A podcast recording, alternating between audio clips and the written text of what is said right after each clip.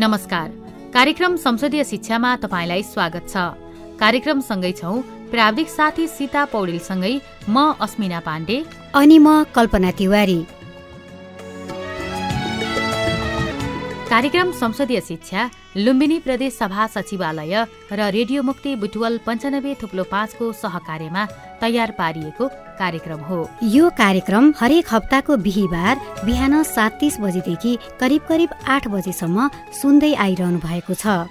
तपाईँले लुम्बिनी प्रदेश रूपन्देहीमा रहेको सामुदायिक रेडियो मुक्ति पञ्चानब्बे थुप्लो पाँच यसै गरी प्रदेशका सामुदायिक रेडियोहरू दाङमा रहेको रेडियो हाइवे एक सय तिन दशमलव पाँच रोल्पामा रहेको रेडियो मालसेरी एक सय बिन्दु पाँच र बरदियामा रहेको रेडियो गुरुबाबा उनानब्बे दशमलव तीन मेगाहर्जबाट एकैसाथ सुनिरहनु भएको छ। आज हामी कार्यक्रमको दोस्रो भागमा छौं। हामीले यस कार्यक्रममा लुम्बिनी प्रदेशले निर्माण गरेका कानून तथा संसदीय अभ्यासका बारेमा प्रदेशसभा तथा प्रदेश सचिवालयले सम्पादन गरेका कार्यहरू प्रदेशसभा सञ्चालन प्रक्रिया प्रदेशसभा सचिवालय र नागरिकको पहुँचका विषयमा छलफल तथा बहस गर्नेछौं। महिला बालबालिका अपाङ्गता आदिवासी जनजाति यौनिक तथा लैङ्गिक अल्पसंख्यक पछाडि परेको समुदाय लगायत आम नागरिकलाई प्रदेशसभा र प्रदेशसभा सचिवालयसम्म पहुँच पुर्याउने कार्यक्रमको मुख्य उद्देश्य रहेको छ। लुम्बिनी प्रदेशसभा सचिवालयको कार्यालय रूपन्देहीको बुटोल उपमहानगरपालिका वडा नम्बर छ सुन्दर नगरमा रहेको छ। तपाईँले लुम्बिनी प्रदेश सभाका गतिविधि बनेका कानून नियमका बारेमा जानकारी लिन चाहनुहुन्छ भने लुम्बिनी प्रदेश सभा सचिवालयको फोन नम्बर शून्य एकहत्तर पाँच चालिस शून्य बिसमा सम्पर्क गरेर वा website W dot assembly dot Lumbini dot GOV dot NP login गरी अध्ययन र जानकारी लिन सक्नुहुनेछ।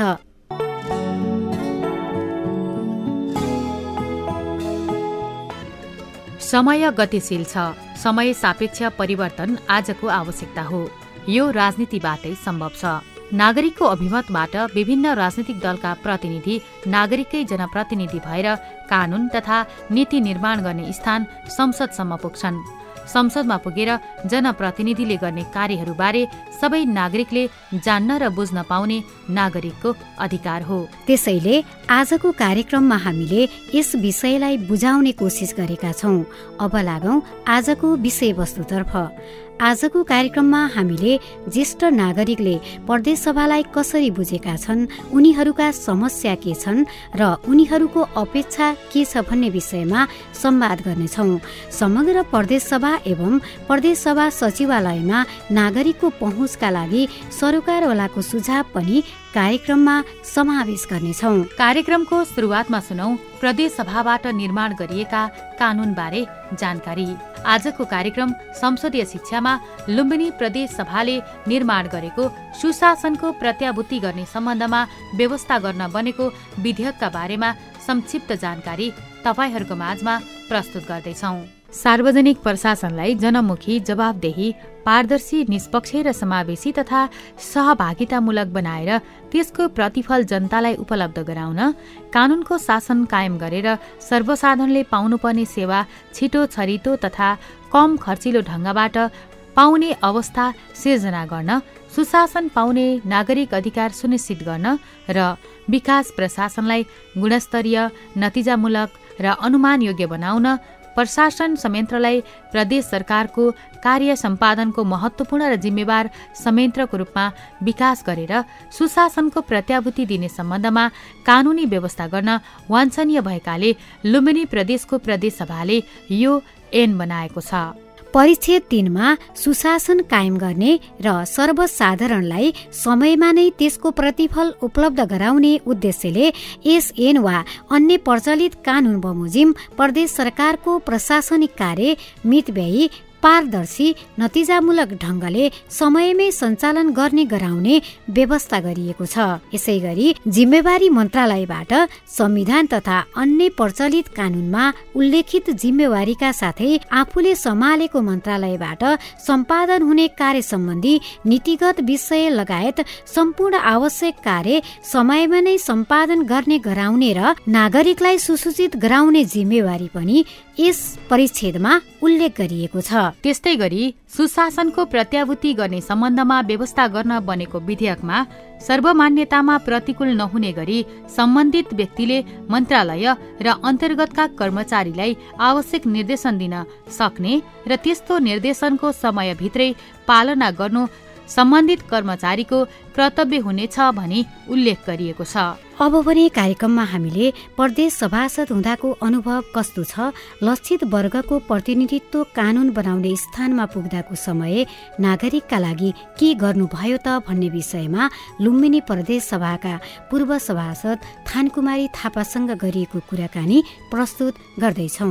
लुम्बिनी प्रदेश सभा जब देश संहितामा गइसके पछाडि प्रदेशको संरचना आइसकेपछि पहिलो कार्यकालमा नै सांसद हुनुभयो।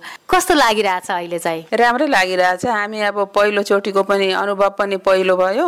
त्यसपछि संरचनै नभएको बेलामा सुरु भएको भएर अहिले त संरचनाहरू सबै विभिन्न खालका तयारी भएको छन्। भौतिक संरचनाहरू पनि बन्ने क्रममा छ। तर हामी चाहिँ केही पनि नभएको शून्य अवस्थामा त्यहाँ प्रवेश गरेको भएर सुरुमा त बसाइकै जटिलताहरू पनि भए त्यसपछि बिस्तारै सुधार भइसकेका थियो। जे होस् आफ्नो कार्यकाल पूर्ण भएको जानकारी गराउँछु। मबाट कुनै कमी कमजोरी गल्ती भयो होला जस्तो लागेको छैन। मेरो कार्यकालमा म आफू खुसी छु। काम गर्दै गर्ने बेलामा फेरि कोरोना पनि आयो। हामी अलिकति सिकाइको प्रक्रियामा थियौँ। एक वर्ष त हामीलाई सिक्नै ठिक्कै भयो। कोरोनाले गर्दाखेरि फेरि दुई वर्ष शून्यमा जस्तै जस्तै भयो। कोरोना कालले गर्दाखेरि पनि हामीले धेरै अनुभवहरू बटुल्न सकेनौँ। सुरुमा जाने बेलामा जुन हौसला थियो यो पनि गर्न सकिन्छ त्यो पनि गर्न सकिन्छ भन्ने कुराहरू धेरै हौसलाको साथमा गइयो थियो। तिनी सबै पुरा गर्न सकिएन भन्ने लागिरहेछ। अन्तिम अन्तिम अवस्था आएको थियो। यस्तो समितिहरू पनि सक्रिय भएको बेला भएको थियो। यसो दुई चारवटा बैठक बस्न अनुगमनसम्म जाने बेला भएको थियो त्यसपछि ठ्याक्कै समय समाप्त भयो। त्यसपछि चुनाव लायो अनि पार्टीमा गर्ने चुनावमा लाग्ने चुनावमा खर्दा ठिकै भएको थियो चुनाव चुनाव सकिसकेपछि केही अब रेस्ट पनि गरियो र अहिले म घरै छु। यहाँले सीमान्तकृत समुदाय जुन नागरिकहरूको लागि चाहिँ प्रदेश सभामा रहँदा कस्तो कस्तो खालको कुराहरू चाहिँ गर्नुभएको थियो सम्झिनुहुन्छ? पूर्ण रूपमा म पनि सन्तुष्ट छैन तिनी कुराहरूले गर्दाखेरि। धेरै महिलाहरूकै इस्युमै कुराहरू उठाउने गरेका थियौँ के अरे महिलाहरूकै बारेमा छलफल गर्ने महिलाहरूको बारेमा क्रियाकलापहरू गर्ने महिलाहरूको आवाजहरू उठाउने सबै ठाउँमा सेफ हाउस पर्छ भन्ने कुराहरू राखेका थियौँ सबै जिल्लामा। त्यो खासै सुरुवात भएको छैन सङ्घ संस्था मार्फत अलिअलि चाहिँ त्यो सहयोगको मात्रै काम भयो। भयो त्यही पनि पछि फेरि यो मन्त्रालयहरू धेरै विभाजन भइसकेपछि पनि त्यो अब कसले चलाउने त्यो कार्यक्रम पहिले एक खालको सिस्टम बसिसकेको थियो। पछि फेरि त्यो मन्त्रालयहरू चेन्ज भएपछि त्यो फेरि अलिकति फरक पर्यो। सबै भने जस्तो भएन। हामीले अब ज्येष्ठ नागरिकका कुराहरू त्यही बेलामा फेरि अस्थायी शिक्षकहरूका धर्नाहरू पनि चलिरहेका थिए। अस्थायी शिक्षकहरूको बारेमा पनि कुराहरू सदनमा उठे नउठेका होइनन् उठे। तर हामीले अब त्यसलाई एउटा एन बनाएर लान सकिएन। ज्येष्ठ नागरिकहरूको कुरा पनि यहाँले जोडिसक्नु भएको छ। ज्येष्ठ नागरिकहरूका लागि प्रदेश सभा चाहिँ हाम्रो नजिकको सरकार हुन सकेन। स्थानीय सरकार पछिको प्रदेश सरकार हाम्रो हुन सकेन। हामीलाई चाहिँ हामीले जिताएर गएका जनप्रतिनिधिहरूले केही गरिदिनु भएन भन्ने गुनासो पनि छ। उहाँहरूको गुनासोलाई यहाँले कसरी मेट्नुहुन्छ त? स्वाभाविक हो। हामीले ज्येष्ठ नागरिकको बारेमा जति गर्न पर्ने थियो जति हुन पर्ने थियो उहाँहरूलाई समेटेर उहाँहरूको भावनालाई उहाँहरूका योगदानलाई जसरी उहाँहरूले अब आफू सक्षम हुँदाखेरि देशको लागि राष्ट्रको लागि जे जति योगदान दिनुभयो त्यसमा आधारित भएर जति सुविधा दिनुपर्ने थियो त्यो सबै सरकारले दिन सकिरहेको अहिले पनि अवस्था छैन। त्यही अलिकति वृद्ध भत्ता बढाइदिएको मात्रै कुरा थियो। अब उहाँहरूलाई आराम गृहहरू अनि पार्कहरू उहाँहरूलाई भुल्ने ठाउँहरू उहाँहरूको जनजीवन अगाडि बढाउने कुराहरू तिनी अब धेरै कुराहरू हामीले एनमा पनि ल्याउन सकेनौँ। त्यो हामीलाई अलिकति कमजोरी चाहिँ भएको छ। अब आउने प्रदेश सभाका सांसदहरूले आफ्नो ढङ्गबाट यिनी अगाडि सरेका कानुनहरू ऐनहरू विधेयकहरू कति पुरा नभएका होला तिनलाई पुरा गर्दै जानुहुन्छ होला। यो पाँच वर्षको समयलाई यहाँले कस्तो सिकाइको रूपमा लिनुहुन्छ? सामाजिक क्रियाकलापको लागि सामाजिकसँग सम्बन्धित हुनको लागि एउटा समितिहरूमा पनि इन्भल्भ भएपछि त्यहाँ पनि अलिकति बढी सिकाइ हुने रहेछ। म अर्थ उद्योग तथा पर्यटन समितिमा भएको भएर पनि सदनमा उठाउने कुराहरूमा चाहिँ हामीले सधैँ सक्षम भएर सधैँ आवाज उठाउने गरेका थियौँ। सदनमा त सबै खालका कुराहरू अब नयाँ नयाँ परिवेशका कुराहरू अब किसानका कुराहरू मलखातका अभावका कुराहरू महिला हिंसाका हत्याका कुराहरू तिनी कुराहरू त समय समयमा उठाइयो होइन? समाजमा जसरी कुराहरू आइरहेको छन् तिनीहरूको बारेमा पनि विशेष चासो राख्यो। विशेष गरेर मैले त महिलाहरूका मुद्दामा चाहिँ विशेष कुराहरू चाहिँ उठाउने गरेको थिएँ। महिला संसदका विषयहरूमा चाहिँ प्रदेश सभा सदन कतिको संवेदनशील बने जस्तो यहाँले अनुभव गर्नुभयो नि? महिलाका मुद्दा महिलाले नै उठाउनु पर्ने बाध्यता थियो। त्यहाँ अरू कुनै साथीहरूले उठाउलान् भन्ने कुरा थिएन उठाउँदैनथे अब त्यसलाई चाहिँ हामीले जति सक्ने हो महिलाहरूले नै सक्ने सहयोग गर्ने गरेका अब आउने महिला सांसदहरू हुनुहुन्छ। प्रदेश सभामा चाहिँ योभन्दा अगाडिको पहिलो कार्यकालमा अलिक थोरै दलहरू मिलेर चाहिँ प्रदेश सभा बन्यो। अब अहिले चाहिँ दसवटा दलहरू प्रदेश सभामा आउँदै हुनुहुन्छ। अब आउने खास गरी महिला प्रदेश सभा सदस्यलाई तपाईँको आफ्नो अनुभवले के सुझाव दिनुहुन्छ? आउँदा त उहाँहरू पनि नयाँ भएरै आउनुहुन्छ होइन? अहिले कोही पनि पुरानो दोहोरिएको छैन एकजना सुमन शर्मा रायमाझी बाहेक अरू कोही पनि महिलाहरू दोहोरिएको छैन उहाँहरूलाई अनुभव छैन। तर उहाँहरूलाई चाहिँ सबैभन्दा पहिले व्यवस्थापनकै समस्या हुन्छ कि जस्तो हामी मैले महसुस गरेको छु कि? अब बुटोलमा राजधानी हुँदाखेरि एक खालको बस्नलाई आवासको लागि त्यति दुःख थिएन खोजेपछि पाइन्थ्यो। नयाँ ठाउँमा जाँदैछन्। एउटा प्रदेश सभाको हल मात्रै बनेको मैले देखेकी छु। सभा त गर्ने तर त्यसको फेरि उहाँहरूको व्यवस्थापनको सबै सचिवालयका सबै सामानहरू लाँदा सबै बस्दाखेरि कहाँ बस्ने विभिन्न समितिहरू खडा गर्दाखेरि उहाँहरूको समस्या हुन्छ। कार्यान्वयनको पाटोमा पनि उहाँहरूले अब धेरै जसो त हामीले विधेयकहरू बनाएर छोडिएको छ। अब उहाँहरूले त्यसलाई कार्यान्वयन गर्नुभयो भने सहज हुन्छ जस्तो लागिरहेछ कस्ता कस्ता कुराहरूमा विशेष गरी एकजुट भएर आवाज उठाउनका लागि तपाईँले अनुरोध गर्नुहुन्छ महिलाहरूको लागि खास महिलाको मुद्दामा महिला नै बोल्न पर्ने अवस्था छ त्यहाँ अहिले पनि। त्यस कारणले जतिवटा दलबाट गए पनि महिलाको इस्युमा चाहिँ एक ठाउँ जब सबै आउनुपर्छ। हामीले पनि पाँच दल भए पनि हामी महिलाको मुद्दामा चाहिँ सबै दल बसेर हामीले चाहिँ महिलाको मुद्दाको बारेमा चाहिँ सँगै सल्लाह गरेर नै कसरी अगाडि बढ्ने भन्ने कुराहरू चाहिँ उ गर्ने गर्थ्यौँ। प्रदेश सभाको कार्यकाल सकिएपछि अब केही त्यस्तो नयाँ योजना गराउने नयाँ काम गर्ने योजनामा हुनुहुन्छ? हिजो पनि म समाजमै काम गरेको मान्छे यही ठाउँमा लागिरहेको मान्छे सामाजिक क्षेत्रमा काम गरेको अनुभवहरू पनि भएको मान्छे म यही समाजमै सामाजिक क्षेत्रमा पार्टीको काममा लाग्ने विश्वास छ। भर्खरै सुन्यौ पूर्व सभासद थानकुमारी थापाको अनुभवलाई। अब प्रदेश सभा सम्बन्धी ज्येष्ठ नागरिकको बुझाइ र अपेक्षा सम्बन्धी सोधिएको जनआवाज कार्यक्रममा नागरिककै आवाजमा तपाईँहरूमाझ प्रस्तुत गर्दैछौँ। कानुन त बन्नु भनेर बन्नुहुन्छ लेकिन मैले हो दबाईको हो बिमाको कार्ड पनि बनाइयो। हस्पिटलमा जाँदाखेरि दबाईको लाइन लाग्दा त्यहाँ बेन्चमा बस्दा गरेर डाक्टरहरूको ऊ गर्दा त्यसमा केही सुविस्ता छैन। यो कुराको लागि हजुरहरूले ज्येष्ठ नागरिकलाई कानुन के बनो त्यसबारेको अन्दरमा हामीहरूलाई सूचना दिने र वार्डबाट पनि जाँदा दबाई प्रत्येक वार्डमा पन्ध्र पन्ध्र बेडको हस्पिटल बन्ने भन्ने कुरा पहिला सुनिन्थ्यो। अहिले हो त्यसमा केही सुविस्ता एउटा बस्ने ठाउँ पनि छैन। यसलाई विचार गर्ने कस्तो कानुन बनो त्यो हामीलाई जानकारी गराइदिनु होला। भोट माग्न आथे भोट दिइयो। मान्छे जनतालाई जिताइयो सरकारलाई जिताइयो। उहाँहरूले हामीलाई के गरे? घरै दबाई ल्याइदिन्छु भन्ने यताउति तिमीहरूका लागि हामीले सबै गर्छौँ भन्थे। हामीलाई लागि केही चाहिँ भएको छैन। कानुन कस्ता भने के भने कसो भने हामीलाई केही पनि थाहा छैन।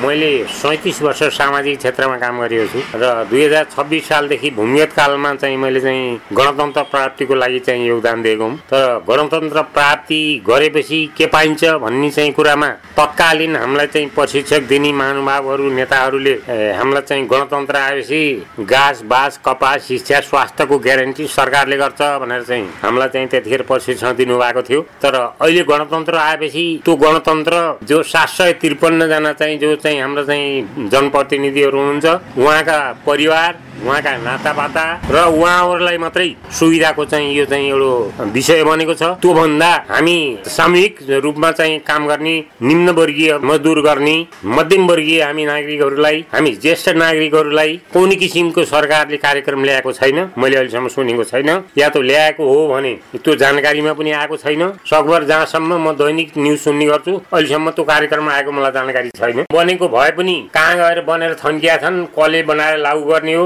त्यो कुराको चाहिँ निरूपण छैन। त्यसो भएकोले अहिले यो गणतन्त्र आएपछि जनताले घाँस बाँस कपास शिक्षा स्वास्थ्यको ग्यारेन्टी सरकारले गर्छ भन्ने जुन नीति थियो त्यो नीति अनुसार अहिले बिल्कुलै उल्टा भएको छ। ज्येष्ठ नागरिक भनेर भन्छन् सरकारले केही सुविधा सुविधा केही दिँदैन बिरामी भइया हुन्छ त्यो पनि हेर्ने केही छैन। कहाँ छ के छ त्यो पनि याद गर्दैनन् गरेका छैनन्।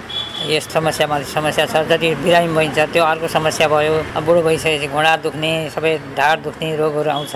त्यसको लागि पनि खै केही व्यवस्था केही छँदैन। कमसेकम घरमा डाक्टर आउने या बेला बेलामा एक महिना डेढ महिनामा बेला बेलामा डाक्टर अब जाँच्ने गर्ने व्यवस्था मिलाइदिएदेखि हुने हो। केही पनि ज्येष्ठ नागरिकलाई अब प्रदेश सरकारमा सबै व्यवस्था गरेको छ भनेर भन्छन्। खै हाम्रो लागि केही गरे जस्तो लाग्दैन। कानुन बनाएको छ भन्छन्। खै कानुनको हाम्रो जानकारी हुँदैन। के गर्छन् के गर्छन् थाहा हुँदैन हामीलाई। कमसेकम सूचना जानकारी पाउने पाउने हामीलाई सहुलियत पाउने व्यवस्था गर्न पाएदेखि हुने राम्रो हुने हो। खै त्यसको लागि कसैले चासो लिँदैन। नागरिकको जिज्ञासा मेटाउँदै हुनुहुन्छ लुम्बिनी प्रदेश सभाको सदस्यमा पहिलो कार्यकालमा विभिन्न भूमिकामा रहेर जिम्मेवार वहन गर्नुभएका र अहिले पनि जनताको मतबाट प्रदेश सभामा निर्वाचित प्रदेश सभा सदस्य भोजप्रसाद श्रेष्ठ। अब यहाँ चाहिँ स्वास्थ्य मन्त्री भइरहँदाखेरि चाहिँ हामीले यो कार्यक्रममा ज्येष्ठ नागरिकहरूलाई प्रदेश सभासम्म ज्येष्ठ नागरिकको पहुँच कतिको पुग्यो भनेर पनि प्रश्न गरेका थियौं।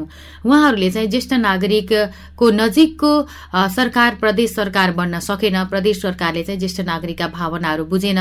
प्रदेश सरकारले ल्याएका ज्येष्ठ नागरिकका विभिन्न खाले सुविधाहरू छन्। तिनी चाहिँ कार्यान्वयन भएनन् भन्ने गुनासो गर्नु भएको छ। यहाँले कसरी चिर्नुहुन्छ? ती गुनासाहरू चाहिँ उपयुक्त नै होलान्। तथापि मैले अन्तिम चाहिँ यो शङ्कर पोखरेलको नेतृत्वको सरकारमा अन्तिम चाहिँ उनान्सय दिन मात्रै काम गरेको छु।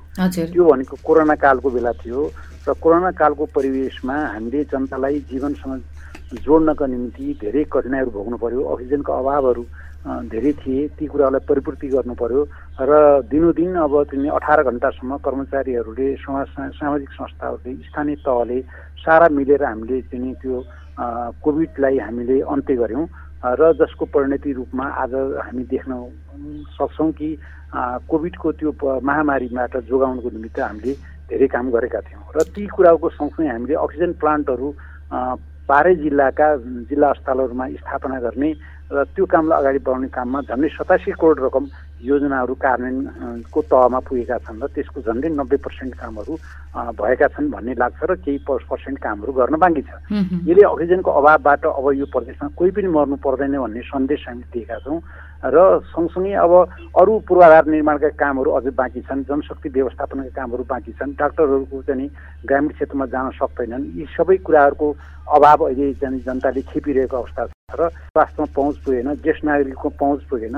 यी सबै कुराहरू छन् भने ज्येष्ठ नागरिकसँग जोडिएका कतिपय मामलाहरू अल्पत्र परेका होला अथवा स्वास्थ्य क्षेत्रको कामका हिसाबले हेर्ने हो भने हामीले ती योगदानमा पुर्याउनुको निम्ति कोरोना कालमा चाहिँ प्रति व्यक्ति चाहिँ एक लाख रुपियाँको दरले बजेट निकासा गर्ने प्रबन्ध मिलाएका थियौँ। त्यसमा अठार करोड रुपियाँ खर्च भएको थियो र त्यो निकासा भइसकेको पनि व्यक्तिले प्राप्त गर्न सकेका छैनन्। त्यो स्थिति छ। बिमाको अवस्थामा सुदृढ गर्न सकिएन। बिमाको अव्यवस्थाले गर्दा बिमा नै अलोकुरी बन्न खोजेको छ।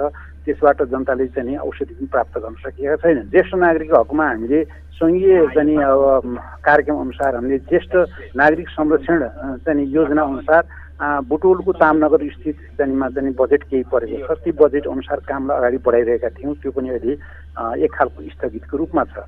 र अरू ज्येष्ठ नागरिकले अपेक्षा गरेका अरू महत्त्वपूर्ण कामहरू कतिपय सवालमा त्यो सामाजिक मन्त्रालयले गर्ने काम हो। ती कामहरूको सवालमा के भएका छन् भन्ने सामाजिक मन्त्रालयबाट मात्रै डाटा हेरेर थाहा पाइएला।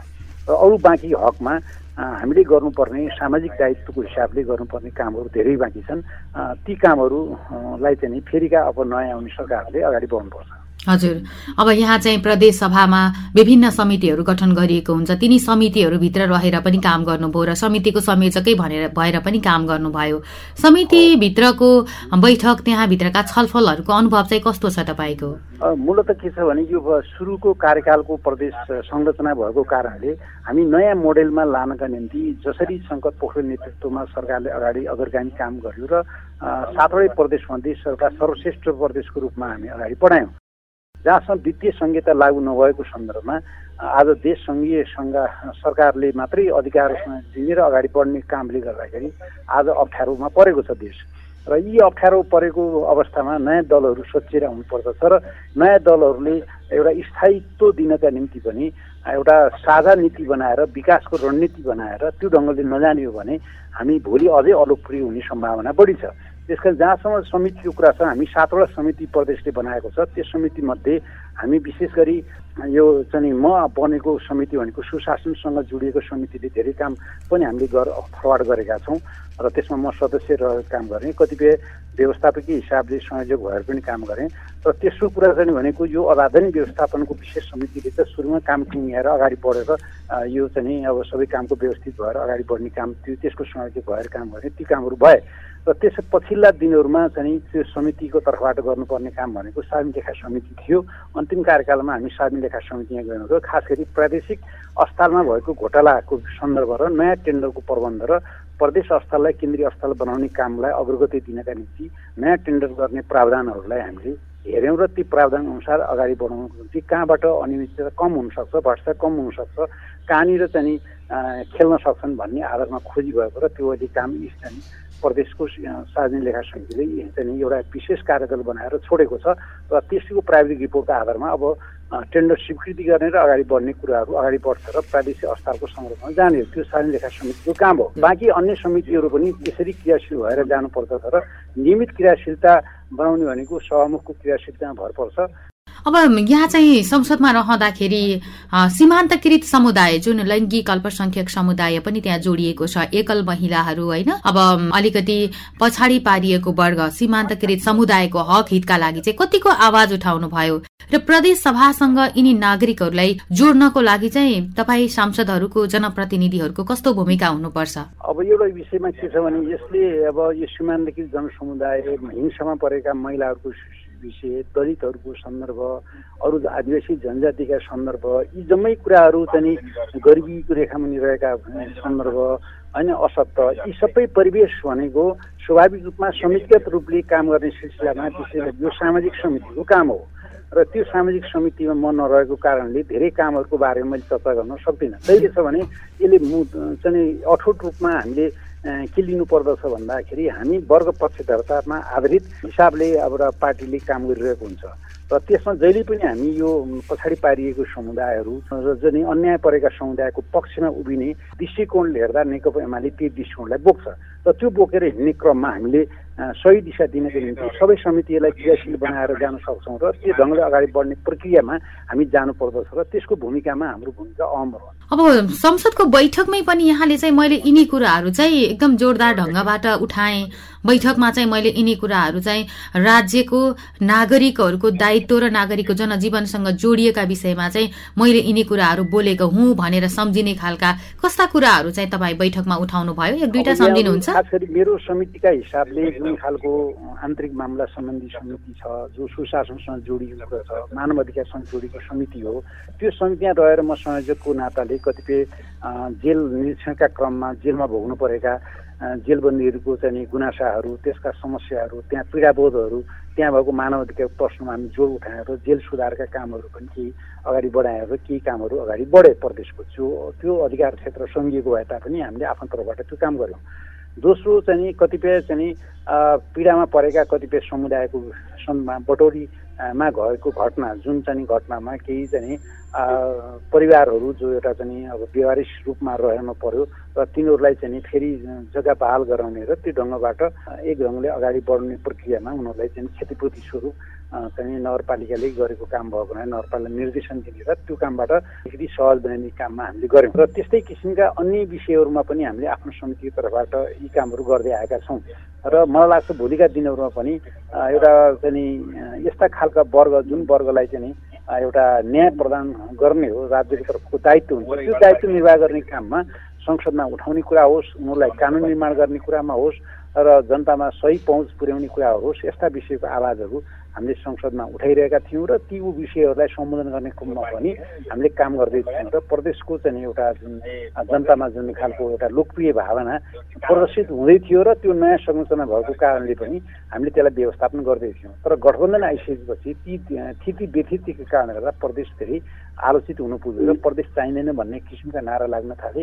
आज त्यो परिवेशमा आज छौँ र अबको प्रदेश संरचनाले नयाँ भूमिका साथ सुशासनको क्षेत्रमा अनि यो संहिताको चाहिँ वित्तीय संहिताको सवालमा अधिकारको चाहिँ प्रयोग गर्ने सवालमा जुन खालको भावना र योजनाहरू उत्साहित गर्नुपर्छ ती कामहरू पुरा गर्ने सवालमा हामी अघि बढ्छौँ। र त्यो त्यो कामको निम्ति अबको आगामी सरकार नै बढी जिम्मेवार दोस्रो कार्यकालमा पनि जनताहरूले जनमत दिएर यहाँलाई फेरि प्रदेश सभाको सदस्यमा पुर्याउनु भएको छ। अब चाहिँ मैले यिनी कुराहरू गर्छु यिनी विषयहरू चाहिँ मैले उठाउँछु भनेर प्रदेशका नागरिकहरू प्रति तपाईँको प्रतिबद्धता के छ? मूल कुरा के छ भन्दाखेरि अब सङ्घीय वित्तीय संहिताको सवाल अहिले प्रदेशको पहिलो मुद्दा हुन्छ। सुशासनको मुद्दा चाहिँ पनि सँगसँगै अगाडि बढ्छ। र प्रादेशिक योजनालाई व्यवस्थित योजनाबद्ध र ती कामहरूलाई जनताको बिचमा एउटा सुशासनयुक्त सहभागितामूलक चाहिँ योजनालाई अग्रसारित गर्ने क्रममा हामी अगाडि बढ्नुपर्ने हुन्छ। र त्यो मामलामा अब प्रदेश कसको सरकार बन्छ गठबन्धनको बन्छ या चाहिँ एमालेको नेतृत्वमा बन्छ त्यसमा भर पर्छ। र जहाँसम्म समितिहरूलाई बढी क्रियाशील बनाउने बढी चाहिँ जवाफदेही बनाउने र त्यसले विषयगत क्षेत्रमा साझा नीति बनाएर अगाडि बढ्ने कुराको सवाल सबभन्दा महत्त्वपूर्ण हुन्छ। र हामीले सबभन्दा पहिलो जोड दिने भनेको सुशासनको पक्ष हो। भ्रष्टाचारको विरुद्धमा काम गर्ने हो र त्यसलाई जुन जनतामा एउटा व्यथिति जो देखिएको छ शासन यन्त्रमा जुन ढिला सृष्टि गर्ने जनतालाई दुःख दिने अलमा ल्याउने र चाहिँ जुन खालको कामहरू भइरहेछन् यसलाई चाहिँ छिटो छरिटो व्यवस्थित र सुशासनयुक्त कामहरू दिने र सेवा गराइहरूलाई सेवा प्रदान गर्ने कुरा महत्त्वपूर्ण हुन्छ। त्यो काम पहिलो गर्छौँ। दोस्रो काम भनेको यी सबै कारको नियमन गर्ने प्रक्रियालाई व्यवस्थित गर्ने काम जनतासँग जोडिएका कानुन निर्माण गर्ने र विशेष गरी व्यावसायिक क्षेत्रमा भएका जति व्यथितिहरू छन् ती क्षेत्रलाई पनि सुधार गर्ने उद्योग निर्माणको प्रक्रिया अनि अरू व्यवस्थित योजनाको प्रक्रिया सामाजिक प्रक्रियालाई बढी जोडका साथ अगाडि बढाउने र सफ्टवेयर र हार्डवेयर दुइटै कामलाई सँगै लैजानेखेरि अगाडि बढ्ने कुरा नै प्रमुख हुन्छन्। ती कामहरू गर्नेतर्फ हाम्रो ध्यान जानेछ। प्रदेश सभाप्रति नागरिकहरूको बुझाइ कस्तो छ? नागरिकहरू प्रदेश सभाको पहुँचसम्म कसरी पुग्न सकिरहेका छन् वा छैनन् त। आज हामीले ज्येष्ठ नागरिक बलराम जीसीको बुझाइ कार्यक्रम संसदीय शिक्षामा समावेश गरेका छौँ। सुनौ उहाँको सुझाव प्रदेशसभा सचिवालय र सभासदलाई। ज्येष्ठ नागरिकको हैसियतमा यो सरकारले जुन वृद्ध भत्ता दिएको छ यो ज्यादै प्रशंसनीय छ। यसबाट राज्यलाई वास्तवमा फाइदा पुग्छ किनकि प्रौढहरूले जो मासिक भत्ता पाउँछन् त पाइएको हुन्छ।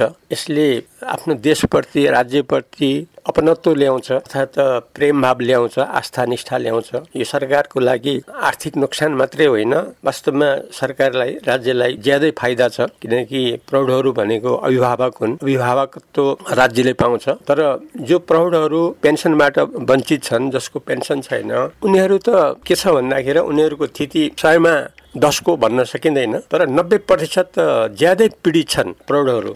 जो चाहिँ नि परिवारमा आश्रित छन् यसको प्रभाव सिधै प्रौढहरूलाई परिराखेको छ। किनभने प्रौढहरू आफ्नो घरको क्षेत्रबाट बाहिर जान सक्दैनन् र घरबाट म पीडित भएँ अथवा बाबुआमा जो हो हामीलाई यसरी हेला गरिएको छ भन्ने यस्तो स्थिति छैन। किनकि त्यो बाहिर भनेर सुन्नेवाला छैन समाधान हुनेवाला छैन। झन् अप्ठ्यारो थपिन्छ। त्यस कारणले गर्दाखेरि आफ्नो जुन पिरमर्का छ यसै त प्रौढ भनेर आफ्नो शरीरले भौतिक रूपमा पनि ज्यादै ठगिएको हुन्छौँ। यसतर्फ सरकारले विशेष विचार गरेमा वृद्धहरूको ज्यादै कल्याण हुन्छ। यसप्रति विशेष ध्यान दिनलाई प्रदेश सरकारलाई अनुरोध गर्दछु। पक्कै पनि नागरिकै अधिकार स्थापित गर्न बनेको प्रदेश सभासँग नागरिक जोडिन सके नागरिकका ससाना समस्या पहिचान गरी नीति नियम र कानुन बनाउन मद्दत पुग्ने देखिन्छ। आज हामीले कार्यक्रममा रहेर प्रदेश सभा र सभासदहरूप्रति ज्येष्ठ नागरिकको बुझाइ एवं जिज्ञासा सम्बन्धी सरोकारवालासँग छलफल गर्यौं तपाईँलाई यो कार्यक्रम कस्तो लाग्यो जस्तो लाग्छ त्यस्तै सल्लाह सुझाव तथा प्रतिक्रिया दिनुहोला। जसका लागि रेडियो मुक्तिको email radio Mukti at the rate Gmail dot com phone number शून्य एकहत्तर पाँच चौन्न पाँच सय एक वा प्रदेश सभा सचिवालयको टेलिफोन नम्बर शून्य एकहत्तर पाँच चालिस शून्य बिस वा email info dot assembly at the rate Lumbini dot GOV dot NP र तपाईँले सुनिरहनु भएको नजिकैको रेडियो स्टेसनमा इमेल वा फोन गर्न सक्नुहुनेछ। यिनै जानकारी र छलफलसँगै आजका लागि संसदीय शिक्षा कार्यक्रमलाई छुट्याइएको समय अवधि सकिएको छ। अर्को हप्ता अर्को विषयवस्तुका साथ उपस्थित हुनेछौ। हामीलाई सुनेर साथ दिनुभयो तपाईँलाई धेरै धन्यवाद। प्रविधिबाट साथ दिनुहुने साथी सीतालाई विशेष धन्यवाद दिँदै कार्यक्रमबाट सहकर्मी साथी कल्पना तिवारीसँगै म अस्मिना पाण्डेलाई पनि विदा दिनुहोस्। नमस्कार शुभ दिन शुभ साता।